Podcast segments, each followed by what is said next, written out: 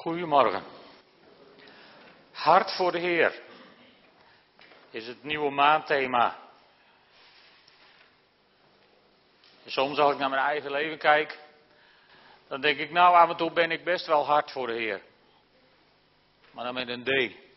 En hart voor de Heer, dat kost vaak wat meer moeite. Daarom is het goed om daar eens een keer samen over na te denken. En uh, de centrale tekst daarbij komt uit Deuteronomium 6, vers 5 vandaag. Dan geeft God het volk Israël dit gebod: Heb daarom de Heer uw God lief met hart en ziel en met inzet van al uw krachten.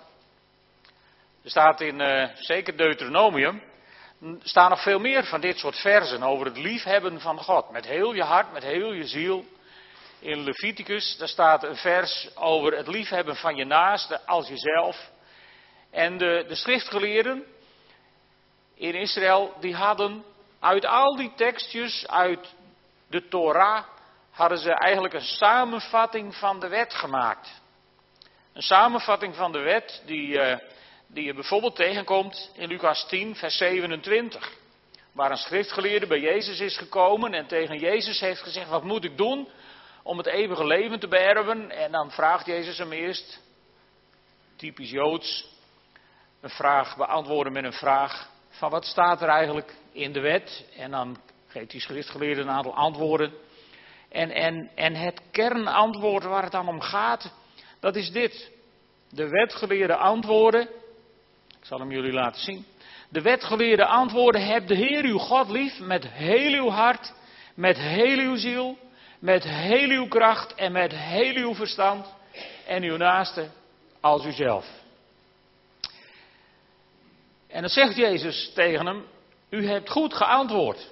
Jezus zegt niet van, nou, dat is Oude Testament. Dat bedoel ik eigenlijk niet. Nee, Jezus zegt, u hebt goed geantwoord.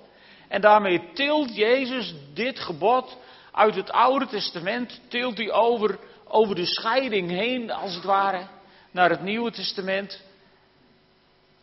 En maakt hij het tot een regel, niet alleen voor het volk Israël, maar voor ons allen. Je naaste, of de Heere, je God liefhebben, met heel je hart, met heel je ziel, met heel je kracht, met heel je verstand. En je naaste als jezelf. Zo zet Jezus het neer.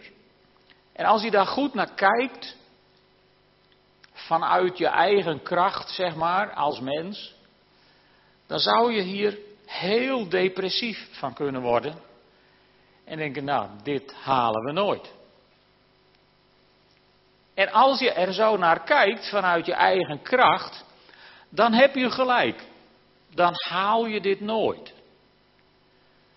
Alleen, wij dienen een bijzondere God. Wij geloven in een hele bijzondere God. Datgene namelijk wat God onderscheidt van, van alle andere goden die je op deze aarde maar zou kunnen tegenkomen, is dat God je veel meer stappen tegemoet komt dan wij stappen zetten in zijn richting. En dat niet alleen in het Nieuwe Testament. Zelfs in het Oude Testament kwam God het volk Israël al mijlen tegemoet als het gaat om deze regels. Let goed op. In Deuteronomium 30, vers 10, daar, eh, daar staat dit. De Heer, uw God, zal uw hart besnijden en ook dat van uw nakomelingen, zodat u hem weer met hart en ziel zult liefhebben en in leven blijven. Voor mij staat het in vers 6 trouwens, maar goed. Wat staat hier? God heeft net gezegd in Deuteronomium dat je Hem moet liefhebben met hart en ziel en met inzet van al je kracht. En dan aan het eind van dat Bijbelboek, daar zegt God in hoofdstuk 30 van, van nou, luister eens, ik, uh, ik zal je hart besnijden. Of snoeien, of hoe je het maar wilt zeggen. Ik zal van je hart verwijderen, wegnemen, als het ware een kleine hartoperatie. Ik ga van je hart wegnemen datgene wat jou belemmert, wat jou verhindert in de weg staat om mij met hart en ziel lief te hebben. Ik ga daar voor jou wat aan doen. Ik ga zorgen, zegt God in het Oude Testament al, in de Torah. Ik ga zorgen dat jij in staat bent om mij lief te hebben met hart en ziel en met al je kracht. Dat heet evangelie. Dat heet blijde boodschap. Dat komt ook heel erg overeen met wat, uh, wat, wat Paulus schrijft in Filippenzen 2, vers 13. Want het is God die zowel het willen als het handelen bij u teweeg brengt, omdat het hem behaagt. Met andere woorden, als God iets van je vraagt, als God, als God zegt, joh, ik wil dat jij mij lief hebt, met alles wat in je is, want heel je hart, heel je ziel, heel je verstand en heel je kracht, dan houden we niks meer over waarmee we God niet lief hebben. Als God van ons vraagt om Hem zo intens lief te hebben met alles wat we, wat we hebben, dan weet God dat wij dat niet kunnen. En dan komt Hij ons dus tegemoet en hij zegt, hé hey joh, weet je wat? Ik ga zorgen, als je wilt, als ik toestemming krijg van jou, als je mij binnenlaat in je leven, zal ik ervoor zorgen dat jij mij kunt liefhebben met alles wat in je is. Nou, dat is een goede deal, of niet? Er wordt iets van je gevraagd, maar degene die het vraagt, die zegt: ik, ik zal zorgen dat je het kunt. Ik ga het voor je regelen. Ik ga het in je leven mogelijk maken.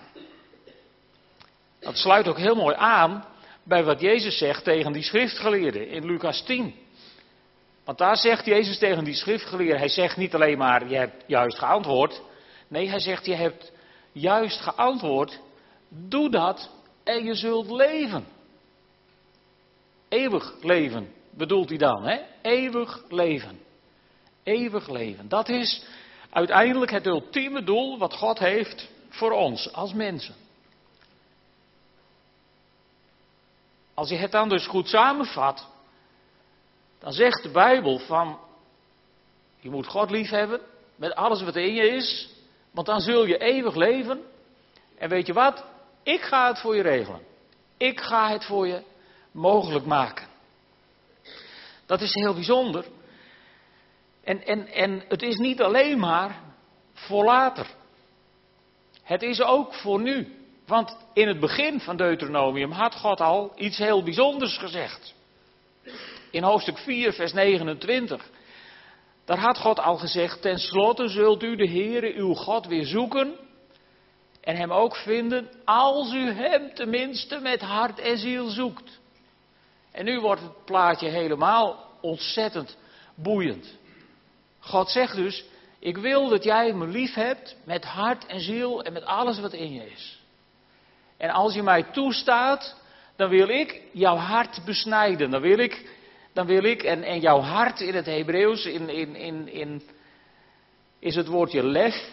Dus als je het lef hebt om mij binnen te laten, dan zal ik jouw hart besnijden, dan zal ik je denken beïnvloeden, dan bedenk maar, dan zal ik zorgen dat jij niks anders wilt dan mij met hart en ziel zoeken. En als je dan mij één keer zoekt met hart en ziel, dan laat ik me vinden. Nou, vind je dat nou niet leuk? Dat is het evangelie. Als je God wilt zoeken, dat is niet moeilijk, dat is niet onmogelijk. Je hebt ook eigenlijk geen enkele reden om te zeggen, ik kan God niet vinden. De enige reden die je dan eventueel nog overhoudt als je God niet vindt, is die ene conclusie. Ik wil hem gewoon niet.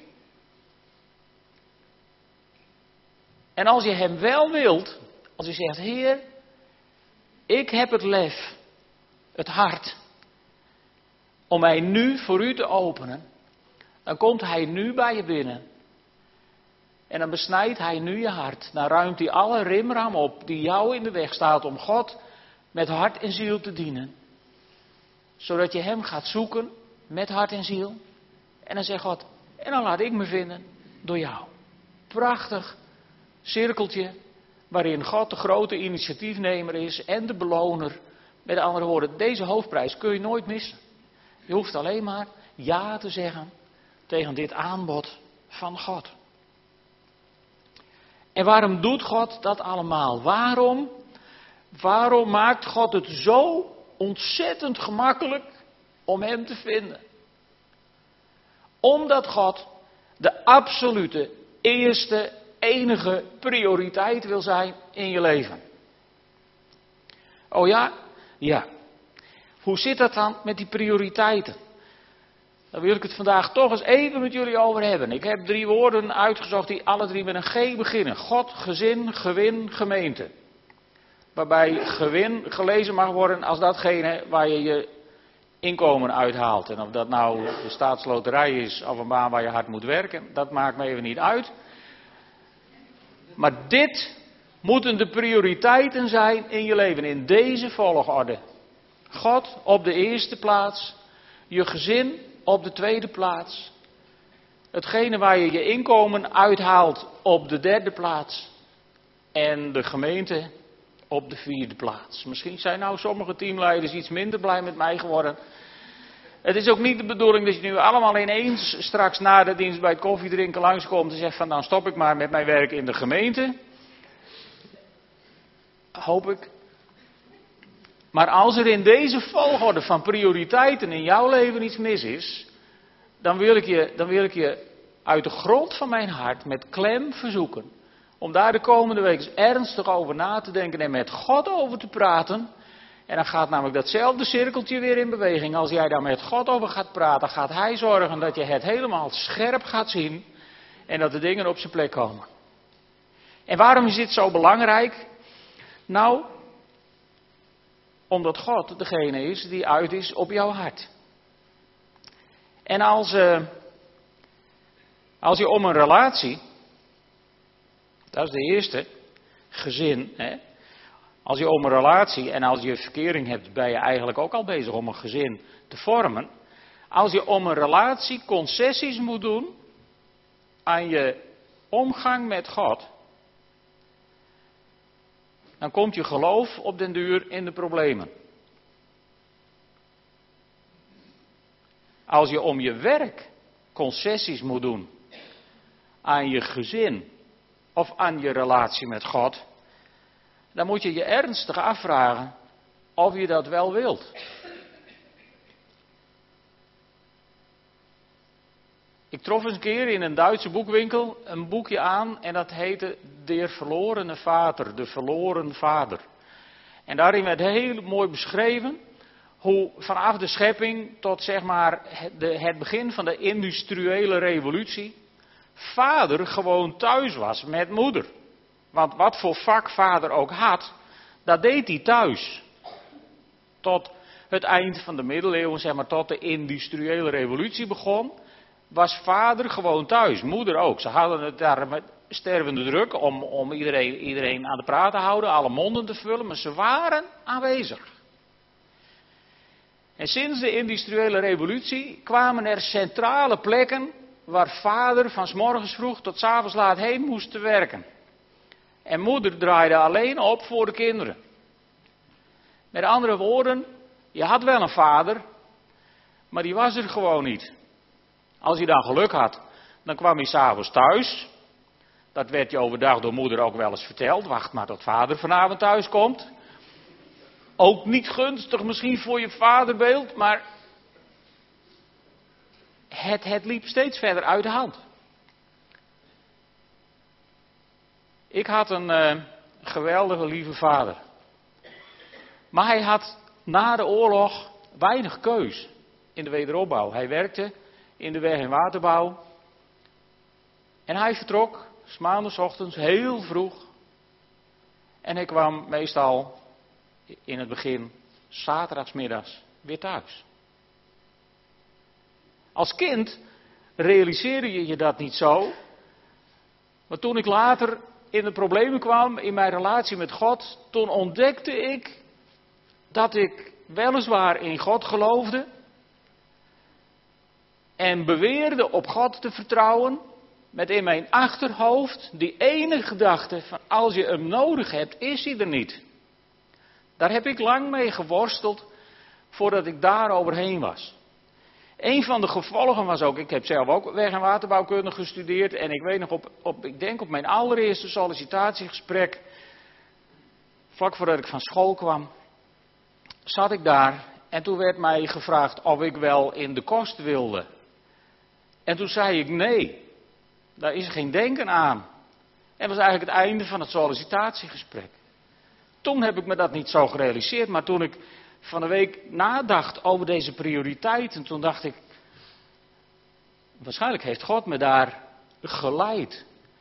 Als je in de situatie komt dat je relatie met je gezin en je relatie met God moet leiden onder het werk wat je doet, dan moet je je ernstig afvragen, samen met God, onder leiding van de Heilige Geest, van Heer, is dit wel uw bedoeling? En ik zal elke keuze respecteren die je daarin maakt. Ik heb jullie alleen mijn verhaal even verteld. Het wordt nog erger als je vanwege de gemeente je werk of je gezin tekort doet. Of zelfs, je zult misschien denken dat kan niet, maar dat kan. Je kunt zelfs om de gemeente je relatie met God tekort doen, omdat je het zo ongelooflijk druk kunt hebben met en in de kerk. Dan zit je helemaal op een verkeerd spoor. Er zijn uh, diverse literatuurschrijvers in Nederland. Die zijn kinderen van predikanten. En je wordt niet vrolijk van hun boeken. Ik zie Rijn al knikken. Je wordt niet vrolijk van hun boeken over het christelijk geloof. Dat betekent dat hun ouders iets ernstig verkeerd hebben gedaan, lieve mensen. En dat is niet alleen gereformeerd. Ik ken ook kinderen van evangelische en pinksteroudsten die om die reden niets meer van het geloof willen weten. Het is heel ernstig als onze prioriteiten niet in de goede volgorde staan. Dan kun je plannen wat je wilt, maar het zal je nooit voldoening brengen. Dan zal al het succes van de wereld je niet gelukkig maken. Alleen als je relatie met God je allereerste absolute prioriteit is, dan komen de volgende zaken die daarna komen vanzelf op hun plek. Oh ja, ja. Hoe weet ik dat? Omdat Jezus dat zelf heeft beloofd. Kijk maar even, in Matthäus 6, vers 33. Daar heeft Jezus een heel verhaal gehouden tegen de mensen over je zorgen maken. Over wat je zult eten en drinken en wat je aan moet trekken. En, en waarschijnlijk heeft hij de vaders net zo goed verteld van, joh, maak je geen zorgen over hoe je je kinderen zult voeden en hoe je ze aan kunt kleden. En hoe je ze de goede opleiding zult geven en hoe je ooit in de lange duur de zorgpremie nog zult kunnen betalen. Ik denk dat Jezus al die dingen op het oog heeft toen hij sprak tegen al die mensen daar in de bergreden. En toen zei hij aan het eind, hij zei, ik heb één tip voor je, de gouden tip, en hij is gratis. Zoek eerst zijn koninkrijk en zijn gerechtigheid en dat andere, dat zal je bovendien geschonken worden. Ik preek daarbij niet dat je rijk wordt omdat je honderdvoudig terugkrijgt wat je zo pas in de collecte hebt gedaan. Want dan hadden we de collecte na deze preek pas gehouden. Dat beweer ik dus absoluut niet. Maar de belofte van Jezus is dat als het koninkrijk van God, jouw relatie met God, je eerste prioriteit is, dan zegt God, dan zorg ik voor de rest. En dan rust zijn zegen op dat wat je doet. En dat is gewoon een bijbelse waarheid die klinkt als een klok. Want God wil zo graag dat Hij de eerste plaats heeft in jouw leven. God heeft zo'n intens diep verlangen dat jouw hart klopt voor Hem. Er was zo'n man in de Bijbel. Er waren er wel meer, maar er was er één die heel veel hart had voor God. En daarom wordt hij de man naar Gods hart genoemd. David. Was hij vlekkeloos? Oh nee, oh nee. Zijn zonden zijn ons in de Bijbel ook duidelijk beschreven. Maar deze man die had iets. Hij schreef een, een deel van de psalmen. En één vers uit die psalmen wil ik met je delen. Stel je voor, je houdt morgen vroeg stille tijd. En God komt even naast je zitten. En die zegt, weet je wat? Maak er vandaag een goede dag van. Je mag mij vandaag één vraag stellen. Eén vraag.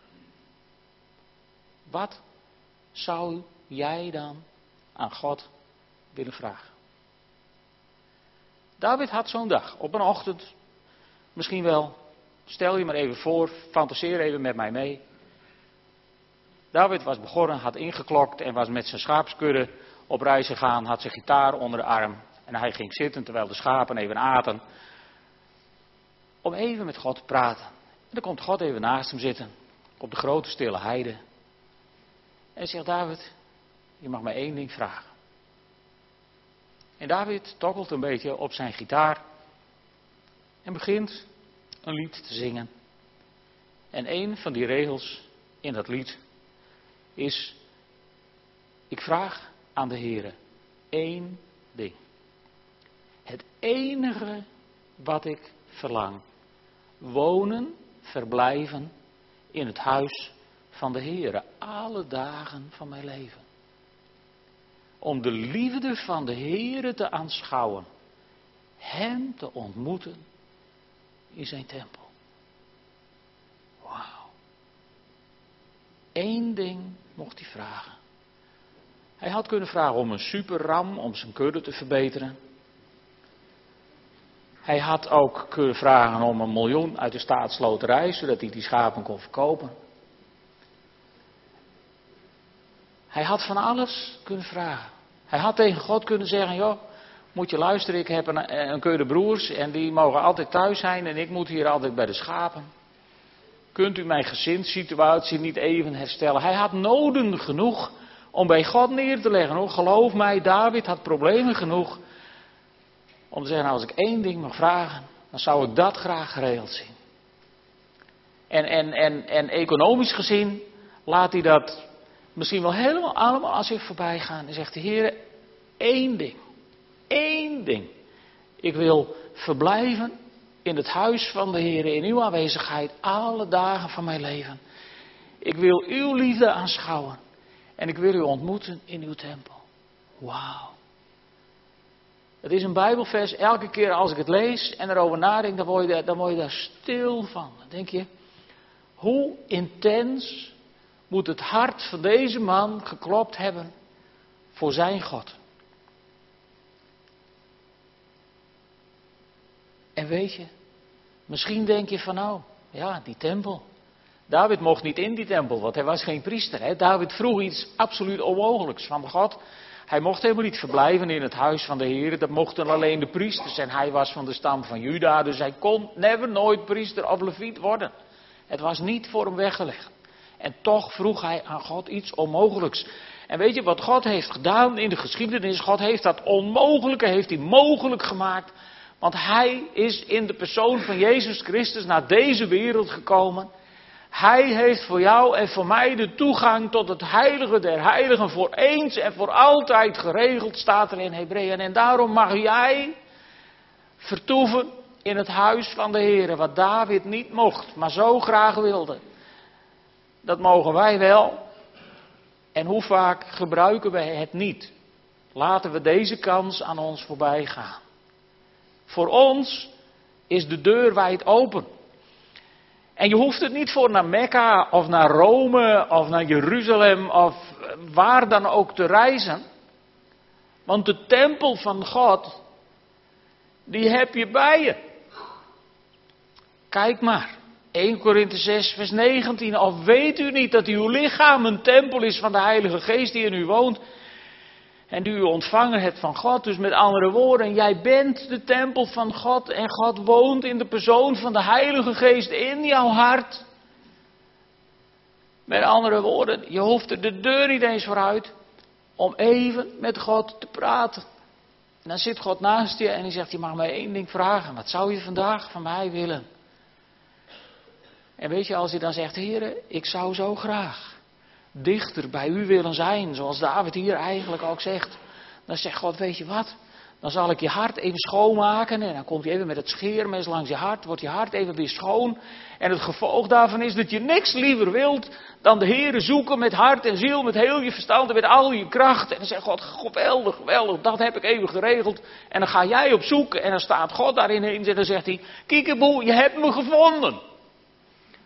En dan vangt hij op in zijn armen en dan knuffelt hij helemaal te pletter. En dan heb je God ontmoet op die dag. Zie je hoe simpel het is om, om gewoon even God te ontmoeten? Het kost niks, want het is betaald. Het is niet moeilijk, want het is volbracht. Je kunt zomaar een relatie hebben met God. En weet je, er is maar één ding voor nodig. En dat is het lef om ja te zeggen tegen Jezus. Dat wordt ook wel geloof genoemd.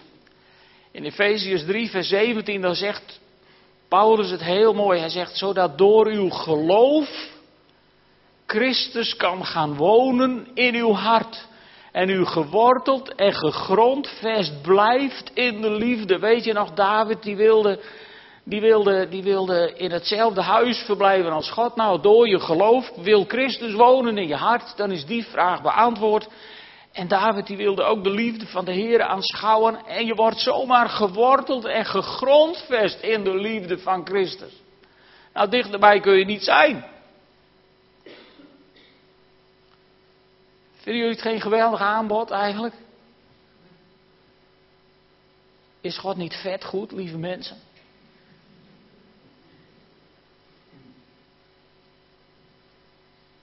Snap je nu een beetje hoe ongelooflijk veel hart God voor jou heeft? Zullen wij dan niet alles op alles zetten om hart voor God te hebben? En weet je, dat kan ook vandaag. Je kunt ja zeggen tegen Jezus. Als je dat nog nooit gedaan hebt. Ik kan je uit mijn eigen ervaring vertellen. Ik was, al, ik, ik, ik was al jaren, ik ben christelijk geboren. Ik ben in de kerk opgegroeid, zowat. Nou, niet helemaal, maar nog in de tijd dat je twee keer per dag naar de kerk moest op zondag. Dus ik ben er vaker geweest dan ik leuk vond. En dat tussendoor moest ik als kind vroeger naar de zondagschool. Dus dat was half tien naar de kerk, half elf naar huis. Elf uur begon de zondagschool, twaalf uur weer naar huis, hapslik eten, half twee weer in de kerk. En half drie weer naar huis. Nou, dat was zo ongeveer de zondag. En het was, het was goed. Want alles wat ik kan vertellen, heb ik in die jaren geleerd. Geweldig, hè? God wil wel. Als jij ja zegt tegen Jezus, en dat had ik in al die jaren nooit gedaan, tot later een keer iemand mij vertelde dat dat ook op het menu stond bij God. Ja zeggen tegen Jezus. Zeggen, Heere, ik wil u volgen. En, en, en, en sommige mensen hebben misschien een heel spectaculair bekeringsverhaal. Met prachtige dingen. Ik, ik heb dat niet. Ik ging altijd mee naar de kerk. En, en, en, en toen ik uh, op het voortgezette onderwijs kwam, toen kreeg je ook vrienden die gingen niet naar de kerk. En dan kom je in aanraking ineens met hele andere culturen en die leer je dan kennen. En op een dag heb ik gewoon heel nuchter, als nuchtere Fries, gedacht van nou, er zijn twee wegen. Je gaat uit de kerk of je blijft in de kerk. En toen heeft Willem besloten, nou weet je wat, ik blijf. Dat is mijn bekeringsverhaal. Moeilijker was het niet. Zo eenvoudig kan het dus zijn, hè? Zo eenvoudig kan het dus zijn. Vind je dat niet mooi? Je hoeft er niet hele toeren vooruit te halen. Het kan heel simpel. En God staat klaar met zijn armen open. Met zijn hart kloppend voor jou. En hij zegt, joh, mag ik jouw hart? Zou jij willen wonen in mijn huis alle dagen van je leven? Om mijn liefde te aanschouwen en mij te ontmoeten in die tempel van jou die tempel van de Heilige Geest. Zou jij dat willen? Want ik wil niets liever. Ik heb namelijk mijn zoon naar deze wereld gestuurd om, om de prijs voor jou te betalen. Ik heb mijn zoon naar deze wereld gezonden om de toegang voor jou wagenwijd te openen. En dat willen wij vandaag gedenken als we avondmaal vieren. Jezus is hier vanmorgen in brood en in wijn. En ik wil je uit de grond van mijn hart uitnodigen om Hem vanmorgen samen met ons hier in deze gemeente te ontmoeten. Als jij ja durft te zeggen, of ja hebt gezegd tegen Jezus, misschien heb je net als ik ook alleen maar gezegd, nou weet je wat, ik blijf. Dan ben je van harte welkom om samen met ons brood en wijn tot je te nemen. En te weten, Jezus is hier om jouw hart aan te raken. Zullen we samen een moment bidden, mag ik jullie vragen op te staan. Vader in de hemel, het is, het is ontzagwekkend om te zien hoe u ernaar verlangt dat wij bij u komen wonen. Heer, u hebt zo'n groot hart voor ons. Als we daar goed naar kijken, dan kunnen we bijna niet anders dan hart hebben voor u. Heer, en, en als iemand in deze zaal vandaag dat nog moet besluiten om te blijven, of om met u opnieuw te beginnen, dan bid ik u, Heer, leid deze persoon door uw Heilige Geest tot deze belangrijke keuze. En als een van de luisteraars die volgende week deze dienst beluistert via de radio, deze stap zou willen zetten, Heere God, dan beveel ik deze persoon bij u aan en dan bid ik u, wilt u ook, ook dan in die huiskamer zijn met uw Heilige Geest. Opdat die geweldige ontmoeting tussen u en het hart van een mens mag plaatsvinden.